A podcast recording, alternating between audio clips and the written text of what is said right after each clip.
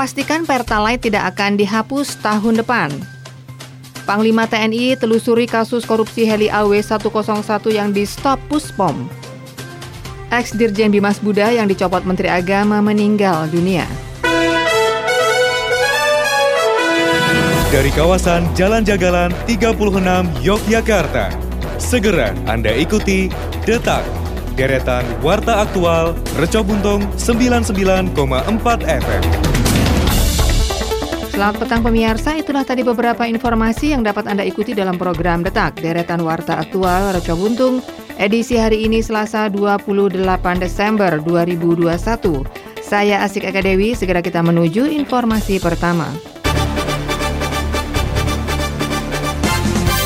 Detak, Deretan Warta Aktual Reco Buntung. Dari CNN Indonesia, Komisaris Utama Pertamina Basuki Cahaya Purnama alias Ahok memastikan bahan bakar minyak atau BBM jenis Pertalite akan tetap dijual dan tidak dikurangi. Pasalnya Pertalite menopang 80% penjualan BBM Pertamina. Berbeda dengan premium yang kontribusi penjualannya kecil sehingga wacana penghapusan BBM jenis ini mengemuka. Ahok bahkan meminta pemerintah dan DPR menggelontorkan subsidi untuk Pertalite kalau penjualan premium kelak dihapus. Meski demikian, mantan gubernur DKI itu enggan memaparkan berapa besar usulan subsidi untuk Pertalite. Sebelumnya Ahok mengisyaratkan penjualan BBM jenis premium akan dihapus tahun depan. Alasannya karena kontribusi penjualan premium kecil.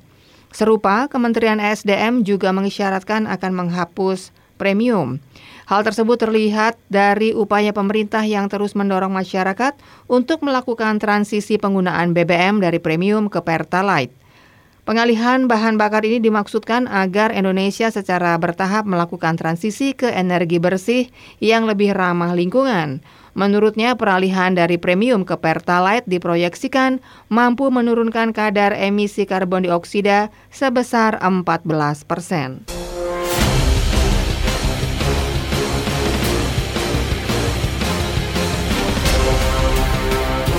Pemirsa Panglima TNI Jenderal Andika Perkasa menyatakan akan mempelajari kasus dugaan korupsi pembelian helikopter Augusta Westland atau AW101. Hal itu disampaikan Andika sekaligus merespon dikeluarkannya surat perintah penghentian penyidikan atau SP3 terhadap lima orang tersangka dari unsur militer oleh Puspom TNI. Penghentian penyidikan itu diinformasikan oleh KPK yang notabene juga mengusut kasus tersebut dengan tersangka dari unsur sipil yaitu Irfan Kurnia selaku Direktur Utama PT Diratama Jaya Mandiri. Lima tersangka dari unsur militer yang dimaksud yaitu Wakil Gubernur Akademi Angkatan Udara Marsikal Pertama Fahri Adami. Fahri adalah mantan pejabat pembuat komitmen atau Kepala Staf Pengadaan TNI AU 2016 hingga 2017. Tersangka lainnya yaitu Letnan Kolonel TNI AU Administrasi WW selaku mantan Pekas Mabes AU, kemudian Pelda SS selaku Bauriar Pekas Disku AU, kemudian Kolonel Purnawirawan FTS selaku mantan Sesdisasda AU, dan Marsekal Muda TNI Purnawirawan SB selaku staf khusus Kasau atau mantan Asrena Kasau. Pengusutan kasus dugaan korupsi pembelian helikopter AW101 terbongkar lewat kerjasama antara Puspom TNI dengan KPK. Panglima TNI saat itu Jenderal Gatot Nurmantio berujar ada potensi kerugian negara sebesar 220 miliar dalam pembelian helikopter AW101. PT Diratama Jaya Mandiri selaku perantara disinyalir telah melakukan kontrak langsung dengan produsen helikopter AW101 senilai 514 miliar. Kemudian pada Februari 2016, setelah menaikkan kontrak dengan TNI AU, PT Diratama Jaya Mandiri menaikkan nilai jualnya menjadi 738 miliar rupiah.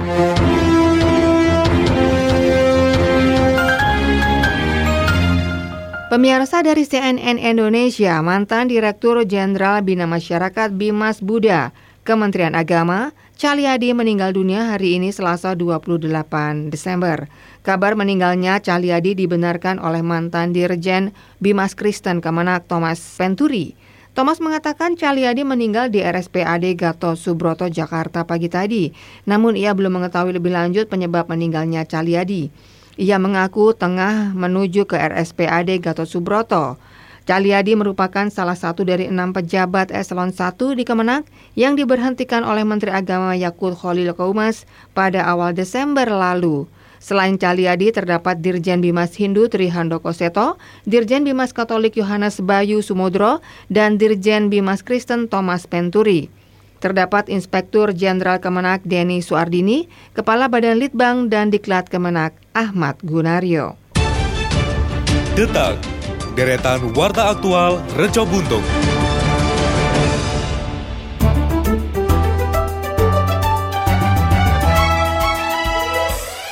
Baik pemirsa, masih Anda ikuti Detak Deretan Warta Aktual Reco Buntung bersama saya Asik Eka Dewi. Segera akan hadir rekan-rekan reporter yang akan menyampaikan beberapa berita daerah di segmen Jogja Selintas.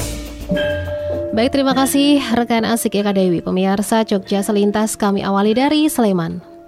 Aksi kejahatan jalanan atau sering yang disebut klitih masih menghantui di DIY. Kejahatan yang kerap dilakukan oleh sekelompok remaja saat malam hari ini masih sering terjadi. Terbaru pemirsa kejadian di Jalan Kaliurang kilometer 9 Kabupaten Sleman, tepatnya di Kelurahan Sinduharjo Ngaglik pada Senin kemarin dini hari. Seorang remaja berinisial D, 16 tahun warga Catur Tunggal menjadi korban pembacokan dan pengeroyokan oleh sekelompok orang. Akibatnya korban mengalami luka bacok di punggung dan di telapak tangan. Saksi kejadian Gufron Faris menceritakan pembacokan dan pengeroyokan tersebut berlangsung sangat cepat sekitar pukul 1 lebih 20 waktu Indonesia Barat. Saat itu dirinya yang merupakan driver ojek online sedang mencari orderan di malam hari. Tepat di depan sebuah rumah makan di wilayah Sintuharjo, Jalan Kaliurang KM 9, ia melihat sebuah motor ambruk. Dari arah berlawanan atau dari arah utara, Gufron juga melihat adanya dua orang yang berlari berusaha menghalau rombongan tersebut. Satu orang membawa sabuk panjang sementara satu lainnya dengan tangan kosong. Menurutnya, dua kelompok tersebut sempat bentrok. Tak berselang lama petugas kepolisian datang mengamankan lokasi. Gufron yang merupakan saksi dalam kejadian tersebut bersama dua teman korban melaporkan ke Mapolsek Ngagle. Sementara korban yang terkena bacokan langsung dilarikan ke rumah sakit untuk mendapatkan perawatan medis. Kita beralih ke Kulon Progo. Pemirsa, seorang santriwati berinisial AS 15 tahun menjadi korban pelecehan seksual yang diduga dilakukan oleh pengasuhnya berinisial S di sebuah pondok pesantren yang berlokasi di Tuksono, Kapanewon Sentolo, Kabupaten Kulon Progo. Ayah kandung korban MDS 38 tahun mengatakan modus pelecehan seksual tersebut dengan menghubungi korban melalui aplikasi WhatsApp.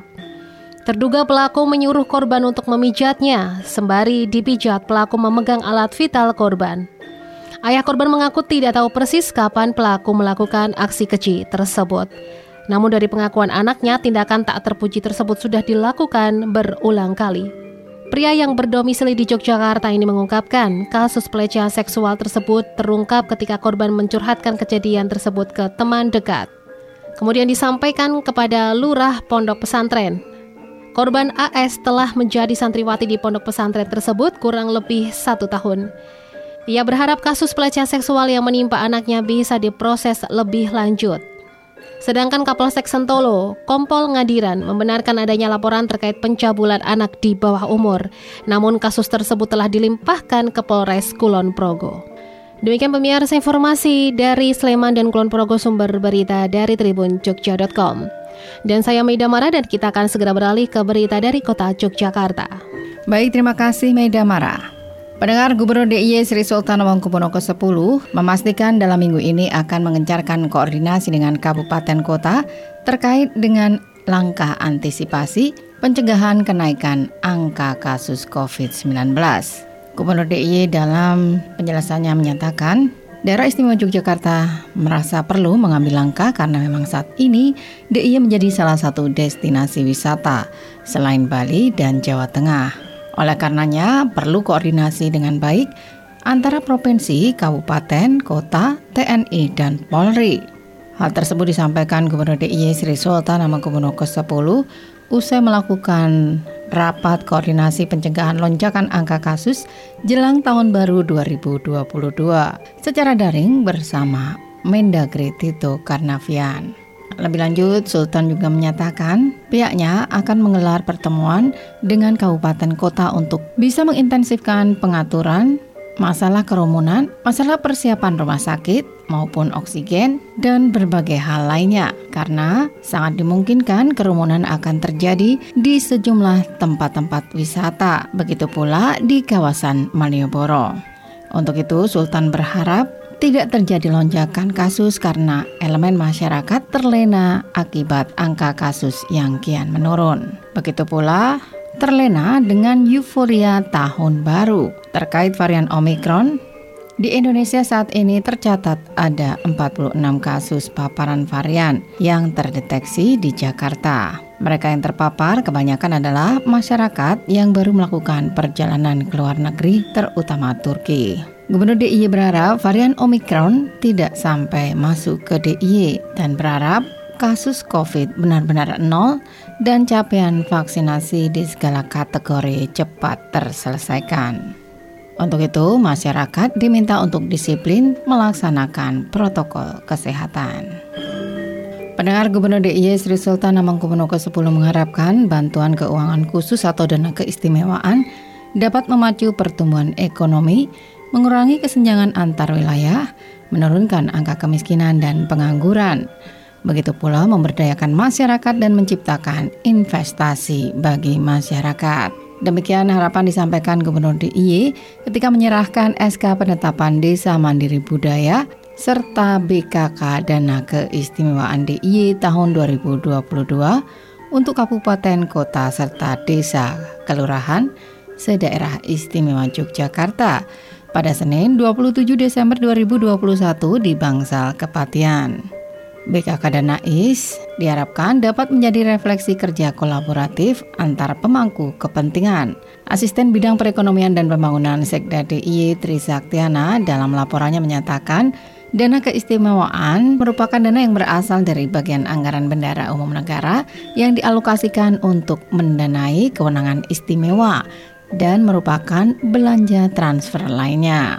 Dan berdasarkan undang-undang, dana keistimewaan DI ditetapkan senilai 1 triliun 320 miliar rupiah. Selanjutnya BKK Dana Keistimewaan sebagai bantuan Pemda DIY kepada Pemda Kabupaten Kota atau pemerintah kelurahan atau desa dan bentuk uang yang dialokasikan pada belanja transfer bersumber dari dana keistimewaan untuk mendukung pencapaian target kinerja urusan keistimewaan melalui APBD kabupaten kota atau anggaran pendapatan dan belanja kelurahan. BKK Dana Is tahun 2022 diberikan kepada kota Yogyakarta sebesar 44,6 miliar rupiah lebih.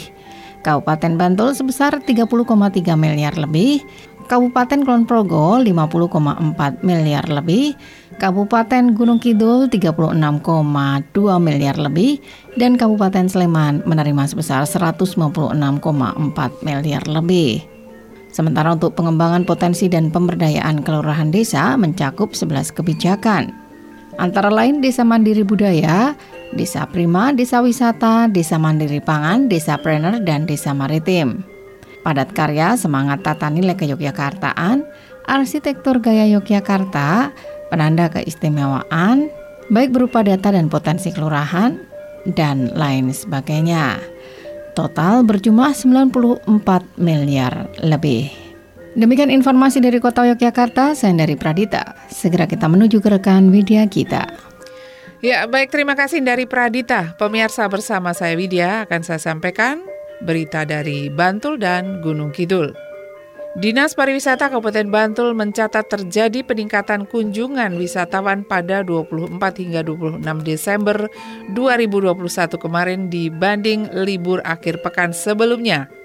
Seksi Promosi dan Informasi Dinas Pariwisata Bantul Markus Purnomo Adi mengungkapkan selama tiga hari tersebut terdapat 44.911 orang wisatawan yang berkunjung ke Bantul. Jumlah tersebut terhitung hanya di objek wisata yang dikelola pemerintah Bantul dan belum termasuk jumlah wisatawan yang dikelola oleh masyarakat. Dari jumlah tersebut total pendapatan yang diterima sebanyak 435 juta 198.250 rupiah. Data minggu tersebut meningkat 28,7 persen dibanding minggu sebelumnya. Terhitung dari tanggal 20 hingga 26 Desember 2021 sebanyak 68.615 orang. Pantai Parangtritis masih menjadi prima dona tujuan wisata di Bantul, bahkan mencapai 90 persen. Meski peningkatan jumlah wisatawan selalu meningkat tiap minggunya, namun Kepala Dinas Pariwisata Bantul, Pintarto Heru Prabowo mengatakan bahwa pihaknya tidak memberikan target pendapatan asli daerah maupun jumlah pengunjung selama libur Nataru. Queen lebih mementingkan bagaimana protokol kesehatan tetap bisa berjalan. Jika sampai tanggal 2 Januari 2022 tidak terjadi lonjakan kasus COVID-19, maka ke depan masyarakat akan lebih mudah untuk melakukan kegiatan kepariwisataan. Kita beralih ke Gunung Kidul. Pemerintah pusat belum lama ini melempar wacana tentang membentuk kurikulum pendidikan baru. Rencananya Kementerian Pendidikan Kebudayaan, Riset dan Teknologi akan menggunakan kurikulum prototype. Pelaksanaan tugas Sekretaris Dinas Pendidikan Pemuda dan Olahraga Gunung Kidul, Kisworo optimis bisa mengikuti kebijakan kurikulum baru tersebut. Kisworo menilai Gunung Kidul terbilang siap menerapkan kurikulum baru. Pasalnya sejumlah sekolah sudah menjadi percontohan untuk program sekolah penggerak.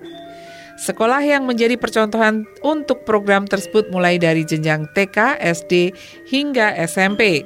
Bahkan ia menyebut Gunung Kidul menjadi satu-satunya kabupaten di DIY yang memiliki percontohan sekolah penggerak. Ia mengatakan kurikulum prototipe menjadi salah satu bagian yang diterapkan oleh sekolah-sekolah penggerak tersebut.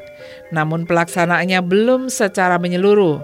Penerapan menyeluruh masih tetap menunggu instruksi resmi dari Kemendikbud dan Ristek. Jika sudah ada instruksi, maka pihaknya tinggal melaksanakan dan menerapkan. Salah satu yang menjadi pembahasan dari wacana kurikulum baru tersebut adalah penghapusan jurusan di jenjang SMA. Saat ini pelajar SMA masih memiliki jurusan antara IPA, IPS, atau bahasa. Kepala Balai Pendidikan Menengah Gunung Kidul Agus Mahdilarso menyatakan belum bisa berkomentar. Agus memilih untuk menunggu instruksi resmi tentang kurikulum baru tersebut. Ia mengungkapkan hingga kini belum ada pembahasan lebih lanjut dari pusat maupun Pemda DIY terkait wacana tersebut. Nah pemirsa demikian tadi informasi dari Bantul dan Gunung Kidul sumber berita tribunjogja.com. Selanjutnya kita kembali ke rekan Asik Eka Dewi untuk menyampaikan informasi yang terakhir. Terima kasih untuk rekan-rekan reporter yang sudah mengabarkan informasi di segmen Jogja Selintas. Dan pemirsa, sekarang kita sampai ke informasi yang terakhir. Detak, deretan Warta Aktual Reco Buntung. Dari Tribun Jogja.com, Polda DIY selama ini berupaya keras melakukan antisipasi ataupun pencegahan terhadap aksi kejahatan jalanan yang marak terjadi di daerah istimewa Yogyakarta. Beragam cara telah dilakukan, di antaranya memberikan himbauan dan sosialisasi hukum. Di samping itu melakukan patroli dengan menghadirkan petugas polisi di tengah masyarakat. Harapannya dengan menghadirkan polisi di tengah masyarakat, maka yang semula pelaku atau calon pelaku mau berbuat jahat, berpikir ulang karena ada polisi. Demikian Kabit Humas Polda DIY Komisaris Besar Polisi Yulianto. Yulianto menyadari patroli tidak sepenuhnya dapat mencegah aksi kejahatan jalanan. Tetapi dengan adanya patroli kepolisian, terutama di jam dan tempat-tempat rawan, maka setidaknya dapat menjadi salah satu upaya pencegahan dan antisipasi kejahatan. Selain itu, mencegah tindak kejahatan pihaknya mengharap juga peran serta masyarakat, misalnya dengan menghidupkan kembali sistem keamanan lingkungan atau siskamling di perkampungan, perumahan, ataupun di lingkungan tempat tinggal. Lebih lanjut dikatakan dalam upaya mengantisipasi kejahatan jalanan, kepolisian bisa melibatkan peran dari para relawan untuk sebatas memberikan informasi dan pencegahan. Menurutnya para relawan anti klitih ini bisa juga dilibatkan dalam upaya penangkapan sepanjang masih dalam pendampingan petugas kepolisian dan tidak melanggar pidana. Misalnya ketika menemukan anak-anak nongkrong dan membawa senjata tajam, tidak boleh main hakim sendiri. Selama ini menurutnya kepolisian bisa melibatkan relawan anti klitih pada aksi kejahatan jalanan yang tertangkap tangan. Artinya pelaku kepergok saat melakukan dan setelah melakukan aksi kejahatan. Kasat Reskrim Polres Sleman AKP Roni Prasadana pada awal Desember lalu mengatakan munculnya aksi kejahatan jalanan pada malam hari atau kelitih di beberapa wilayah DIY telah diantisipasi oleh Polres Sleman. Selain itu, mengoptimalkan kering reserse dan menggandeng relawan anti kejahatan jalanan. Kering reserse ini mengoptimalkan peran jajarannya di tiap polsek. Ketika terjadi dugaan kejahatan jalanan atau laporan anak-anak nongkrong mencurigakan, tim dari polsek dibantu Polres akan segera bergerak cepat menuju lokasi.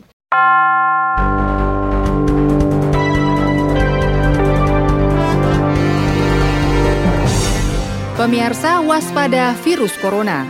Penularan dari manusia ke manusia lewat cairan, batuk, bersin, dan berjabat tangan. Virus ditularkan jika Anda menyentuh cairan orang terinfeksi, lalu menyentuh area mata, hidung, mulut.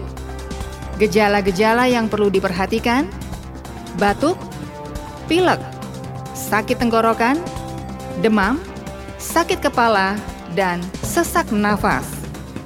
Hotline Kemenkes terkait virus corona di 021 5210 411 atau 081 2121 23119.